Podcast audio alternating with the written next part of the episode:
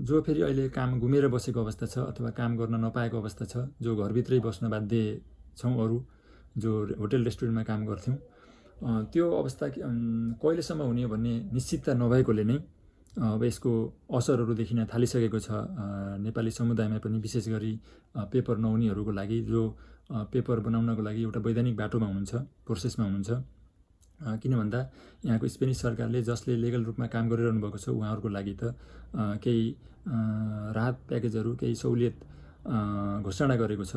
तर जो बिल्कुलै जोसँग पेपर छैन र जसले अवैधानिक रूपमा काम गरिरहनु भएको छ उहाँहरूको लागि स्पेनिस सरकारले अहिलेसम्म त्यस्तो कुनै राहत भनौँ न त्यस्तो केही राहत प्याकेज भनौँ त्यस्तो केही सामाजिक घोषणाका कुराहरू गरेको छैन जसले गर्दाखेरि स्पेनिस स्पेनमा बस्ने नेपाली समुदायहरूले यसबारेमा अब बिस्तारै यसबारेमा बस चल्न सुरु गरिसकेको छ।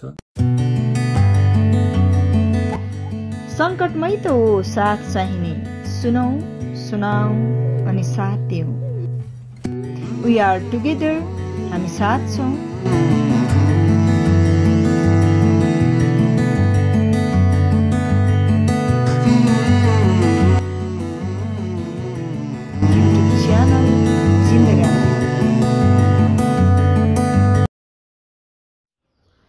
म्याग्दी जिल्ला ज्याम्रुकोटमा जन्मिएका अरुण घिमिरेको स्थायी बसोबास बागलुङ नगरपालिका दुई श्रीनगर टोलमा पर्छ। नेपाल छँदा शिक्षण पेसामा आबद्ध उनले त्रिभुवन विश्वविद्यालयबाट अङ्ग्रेजी साहित्यमा विद्यावारिधि गरेका छन्। पत्रकारिता र साहित्यमा सक्रिय उनी विशेषत गजल लेख्न रुचि राख्छन्। छ वर्ष अघि युरोप पुगेका उनी हाल स्पेनमा बसोबास गर्छन्।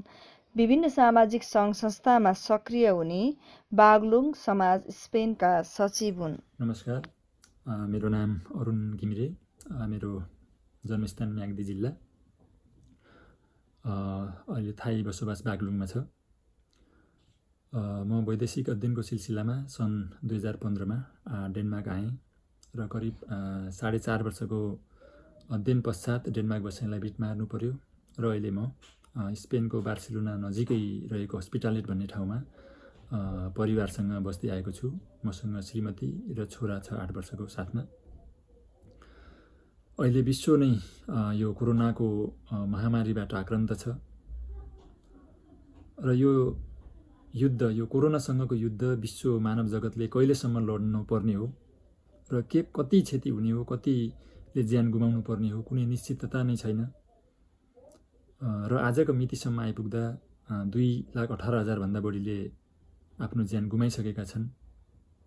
र यो कहिलेसम्म पुग्ने हो यो आँकडा कतिसम्म पुग्ने हो र कहिलेसम्म हुने हो र यसले कति आर्थिक सङ्कट ल्याउने हो मानवीय सङ्कट मानवीय क्षति पुर्याउने हो भन्ने कुनै लेखाजोखा नै छैन। त्यस अवस्थामा म अहिले बसिरहेको ठाउँ स्पेन जो युरोपकै छैठौँ ठुलो राष्ट्र।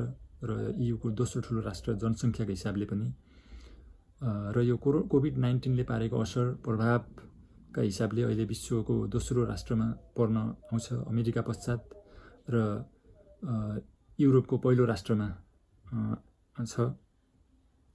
आजको मितिसम्म हेर्दाखेरि तेइस हजार आठ सय बाइसभन्दा बढीले ज्यान गुमाइसकेका छन्। स्पेनमा जसमा एक्काइस वर्षका फुटबल कोचदेखि लिएर युवादेखि ल्याएर वृद्धहरू छ र केही सङ्ख्या वृद्ध वृद्धहरूको बढी छ स्पेनको हकमा। त्यस्तै गरेर दुई लाख बत्तिस हजारभन्दा बढी सङ्क्रमित छन् यहाँ। र यो कति यो कतिसम्म पुग्ने हो र यो कोरोनाको महामारी हामीले कहिलेसम्म झेल्नुपर्ने हो कुनै लेखाजोखा निश्चितता नै छैन त्यो नै अहिलेको सबैभन्दा जटिल अवस्था हो त्यो नै हाम्रो लागि हार्ड टाइम्स हो।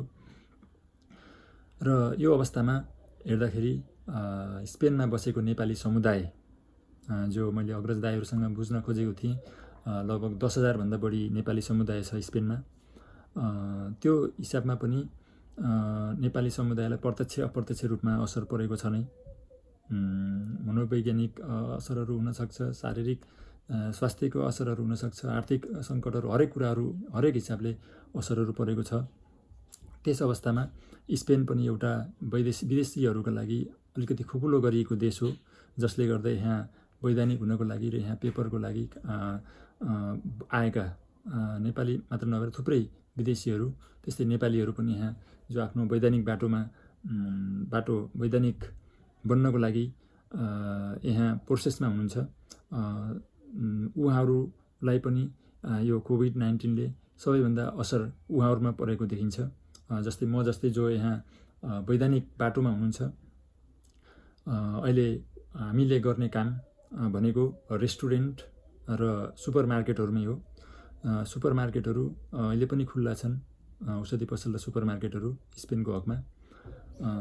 र सुपर मार्केटमा काम गर्ने भनेको स्पेनिस सरी इन्डियन र पाकिस्तानीहरूको सुपर मार्केटमा जसले अहिले काम गरिरहनु भएको छ उहाँहरूले निरन्तर गरिरहनु भएको छ। त्यसरी गर्दै गर्दा जुन उहाँमा आउने स्वास्थ्य सङ्कटहरू त छँदैछ। किन भन्दा त्यति राम्रो तरिकाले सावधानी अपनाएको देखिँदैन त्यो त्यहाँ पनि साहुहरूले। जसले गर्दाखेरि उहाँहरू पनि समस्यामा पर्ने समस्या त छँदैछ। जो फेरि अहिले काम घुमेर बसेको अवस्था छ अथवा काम गर्न नपाएको अवस्था छ जो घरभित्रै बस्न बाध्य छौँ अरू जो होटेल रेस्टुरेन्टमा काम गर्थ्यौँ त्यो अवस्था कहिलेसम्म हुने भन्ने निश्चितता नभएकोले नै अब यसको असरहरू देखिन थालिसकेको छ। नेपाली समुदायमा पनि विशेष गरी पेपर नहुनेहरूको लागि जो पेपर बनाउनको लागि एउटा वैधानिक बाटोमा हुनुहुन्छ प्रोसेसमा हुनुहुन्छ। किन भन्दा यहाँको स्पेनिस सरकारले जसले लिगल रूपमा काम गरिरहनु भएको छ उहाँहरूको लागि त केही राहत प्याकेजहरू केही सहुलियत घोषणा गरेको छ। तर जो बिल्कुलै जोसँग पेपर छैन र जसले अवैधानिक रूपमा काम गरिरहनु भएको छ उहाँहरूको लागि स्पेनिस सरकारले अझसम्म त्यस्तो कुनै राहत भनौँ न त्यस्तो केही राहत प्याकेज भनौँ त्यस्तो केही सामाजिक घोषणाका कुराहरू गरेको छैन जसले गर्दाखेरि स्पेनिस स्पेनमा बस्ने नेपाली समुदायहरूले यसबारेमा अब बिस्तारै यसबारेमा बस चल्न सुरु गरिसकेको छ तत् अवस्थामा स्पेनमा रहेको एरानाइट स्पेनले विशेष गरेर पेपर नभएका दाजुभाइ तथा दिदीबहिनीहरूको लागि केही हदसम्म सहुलियत दिने भन्ने हिसाबले राहत सुविधा खाद्यान्नको रूपमा केही राहत प्याकेजहरू पनि बाँडेको छ। त्यो सामान्य हो। जसले लङ लास्टिङ रूपमा त हुन सक्दैन। तर अहिले स्पेनको हकमा हेर्दाखेरि यहाँ सबभन्दा समस्या भनेको घर भाडा नै हो। किन भन्दा खाना पनि त्यति महँगो छैन। हामीले अरू देशको सँग तुलना गऱ्यो भने खानालाई पनि त्यति समस्या पर्ने देखिँदैन। यो लामो समयसम्म नगयो भने किन भन्दा यताउति सरसापट अथवा अलिकति सहुलियत राहत यताउतिबाट चल्न सक्छ। तर सबभन्दा समस्या भनेको घर भाडामा हो। किन भन्दा अहिलेको रेसियो हेर्दा कम्तीमा एकजनाको पर हेड दुई सयदेखि तिन सय युरो मन्थली घरबाट पर्न आउँछ। जब कामहरू नै ठप्प भयो भने र घरभित्रै बस्दै गर्दाखेरि त्यो तिर्ने कसरी? किनभने त तिर्नु त पर्छ नै। त्यो समस्याले अहिले सबभन्दा यो पेपर नभएको नेपालीहरूलाई अहिले पिरुलेको अवस्था त्यो हो। अर्को अवस्था भनेको म यसको आर्थिक पाटोहरू अरू पछि पर्ने दुर्गामी असरहरू यीहरूको बारेमा त्यति म विदत पनि छैन र त्यति कुरा पनि गर्न जान्न म चाहन्न। किन भन्दा मैले मात्र एउटा स्पेनमा बस्दै गर्दा एउटा परदेशीको हिसाबले र एउटा स्पेन आफै पनि विश्वमै अरू देशहरूको तुलनामा अलि सङ्क्रमित बढी भएको र अलि पीडित पनि बढी भएको हिसाबमा यहाँ बस्दै गर्दाको केही आफ्नो अनुभव सेयर गर्ने हिसाबले तपाईँहरूमा उपस्थित भएँ। त्यस्तै आफू मसँग एउटा छोरा पनि छ जसँग अहिले म लगभग भनौँ चालिस पैँचालिस दिन नै सँगसँगै आफ्नै एउटा एउटा घरभित्र उसँग बुझ्दै गर्दा उसँग भित्र भएका थुप्रै हुन्छ नि आवेग भित्र भएका थुप्रै सम्वेक आवेगहरू मैले बुझ्ने अवसर पाएँ। र एउटा हामी चाहिँ अलिकति ठुलो छौँ बुझ्न सक्छौँ यस्तो अवस्था हो तर बच्चाहरूको मनोविज्ञानमा कस्तो असर पर्दो रहेछ भन्ने कुराहरू मैले एउटा बुझ्न पाएँ। त्यो सबैले जोसँग आफ्नो बच्चाहरू साथमा हुनुहुन्छ उहाँहरूले त्यो फिल गर्नुभएको होला किनकि अहिले त विश्व नै एउटा घरभित्र छ। यस अवस्थामा जब अस्तिदेखि भनौँ आइतबारदेखि स्पेनमा पनि स्पेनिस सरकारले बच्चाहरूलाई एक घन्टा बिहान नौ बजीदेखि बेलुका नौ बजीभित्र एक घन्टा बाहिर लैजाने बाहिर लैजान पाउने व्यवस्था गर्यो एक किलोमिटरभित्र। त्यसले बच्चाहरूलाई अत्यन्त खुसी दिलाएको छ। बच्चाहरू खुसी भएका छन्। एकछिन पनि बाहिरको फ्रेस हावा लिन पाउँदाखेरि जसले गर्दाखेरि बच्चाहरूमा एउटा छुट्टै प्रकारको एउटा हौसला भनौँ एउटा छुट्टै प्रकारको एउटा खुसी प्राप्त भएको छ। त्यो मैले एउटा बाबु हुनुको नाताले त्यो पनि एउटा फिल गर्न पाएँ।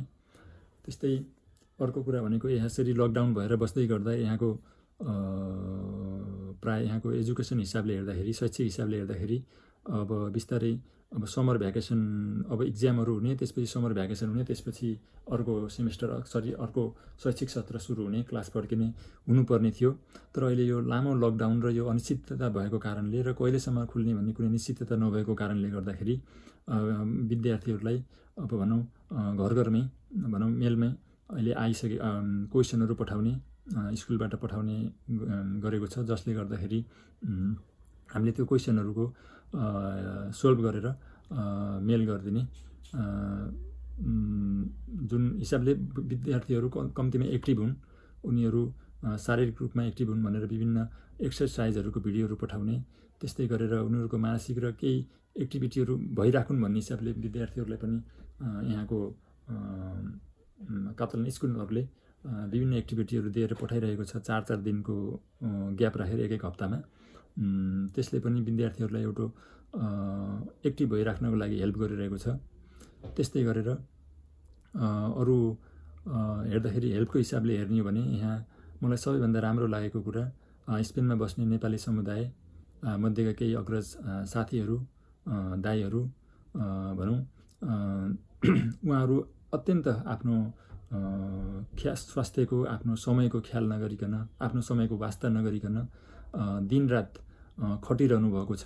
यो राहत पुर्याउनको लागि सान्त्वना दिनको लागि घर घरमा पुग्नु भएको छ राहत पुर्याउनु भएको छ जे जति सक्नुहुन्छ गरिरहनु भएको छ। त्यो आफैमा एकदमै सुखद पक्ष हो। म त्यस्ता व्यक्तिहरू जस्तै म नामै लिन पर्दा पनि जस्तै म यो भाइ उमेरले भाइ हो तर उहाँको व्यवहारले भाइ भन्न पनि म सक्दिनँ। जस्तै लेखाले घिमिरे जो एनआरएनको सचिव हुनुहुन्छ। त्यस्तै गरेर एनआरएनमै अरू व्यक्तिहरू हुनुहुन्छ जो घर घरमै पुर्याएर पनि सहयोग गरिरहनु भएको छ। त्यस्तै गरेर बाहिरबाट पनि केही सहयोग जुटाएर यहाँ सहयोग गरिरहनु भएको छ जस्तै सन्तबहादुर छेत्री भोला लामिछाने लगायतको टिमले पनि यहाँ केही राहत प्याकेजहरू बाँडेको छ। त्यो पनि आफैमा सुगत पक्ष हो। त्यस्तै गरेर यहाँ कतिपय यहाँ बस्ने नेपाली समुदायले जस्तै नेपाली समुदाय केही अगुवाहरू जस्तै यहाँ पनि कम्तीमा बाह्रदेखि चौधवटा सङ्घ संस्थाहरू छन्। ती संस्थाहरूले पनि जति सक्छन् आफ्नो क्षेत्रमा आफ्नो क्षेत्रभित्रका पीडितमा पीडित अथवा गाह्रो भएका व्यक्तिहरूलाई अहिले हेरिरहेको अवस्था छ। र अहिले जो केही व्यक्तिहरू हुनुहुन्छ जसले आफ्नो घरमा बस्ने भनौँ आफ्नो बस्न घरमा बस्ने नेपालीहरूलाई जो अहिले गाह्रो भएको अवस्था छ उहाँहरूलाई भाडामा पनि भाडाहरूको अलिकति कटौती गरेर हुन्छ अथवा कसरी हुन्छ सहयोग गरिरहनु भएको छ त्यो आफैमा एउटा सुगत पक्ष हो। अहिले यो गाह्रो स्थितिमा अहिले यो साह्रो स्थितिमा अहिले यो कोर कोरोनाको महामारीमा हामीले केवल हातमा हात मिलाउनु हुँदैन। अङ्कमाल गर्नु हुँदैन तर सहयोग गर्नको लागि कुनै पनि बाटाहरू बन्द छैनन्। हामीले अहिले भनेको एक आपसमा मिलेर आपसमा भएको वैमनस्यतालाई वैचारिक भावमा हामी भिन्नता हुनसक्छ। भेगीय क्षेत्रीय जातीय यी कुराहरू सबै भुलेर हामीले एउटा मानव र यो कोरोना बिचको लडाइँलाई र यो कोरोनालाई प्रस्त गर्नलाई हामी अगाडि नबढी सुख नै छैन। तसर्थ यो स्पेनमा जो जति अहिले आफ्नो समयको ख्याल नगरिकन आफ्नो समयको प्रवाह नगरिकन अगाडि बढिरहनु भएको छ उहाँहरूको लागि म हार्दिक नमन गर्न चाहन्छु र यो अवसर जुराइदिनु भएकोमा जिन्दगानी डट कम परिवारलाई पनि म हार्दिक आभार व्यक्त गर्दै र महेश खातीज्यूलाई पनि म हार्दिक आभार व्यक्त गर्न चाहन्छु। धन्यवाद। सबै जो जहाँ हुनुहुन्छ सुरक्षित रहनुहोला। धन्यवाद। Thank you.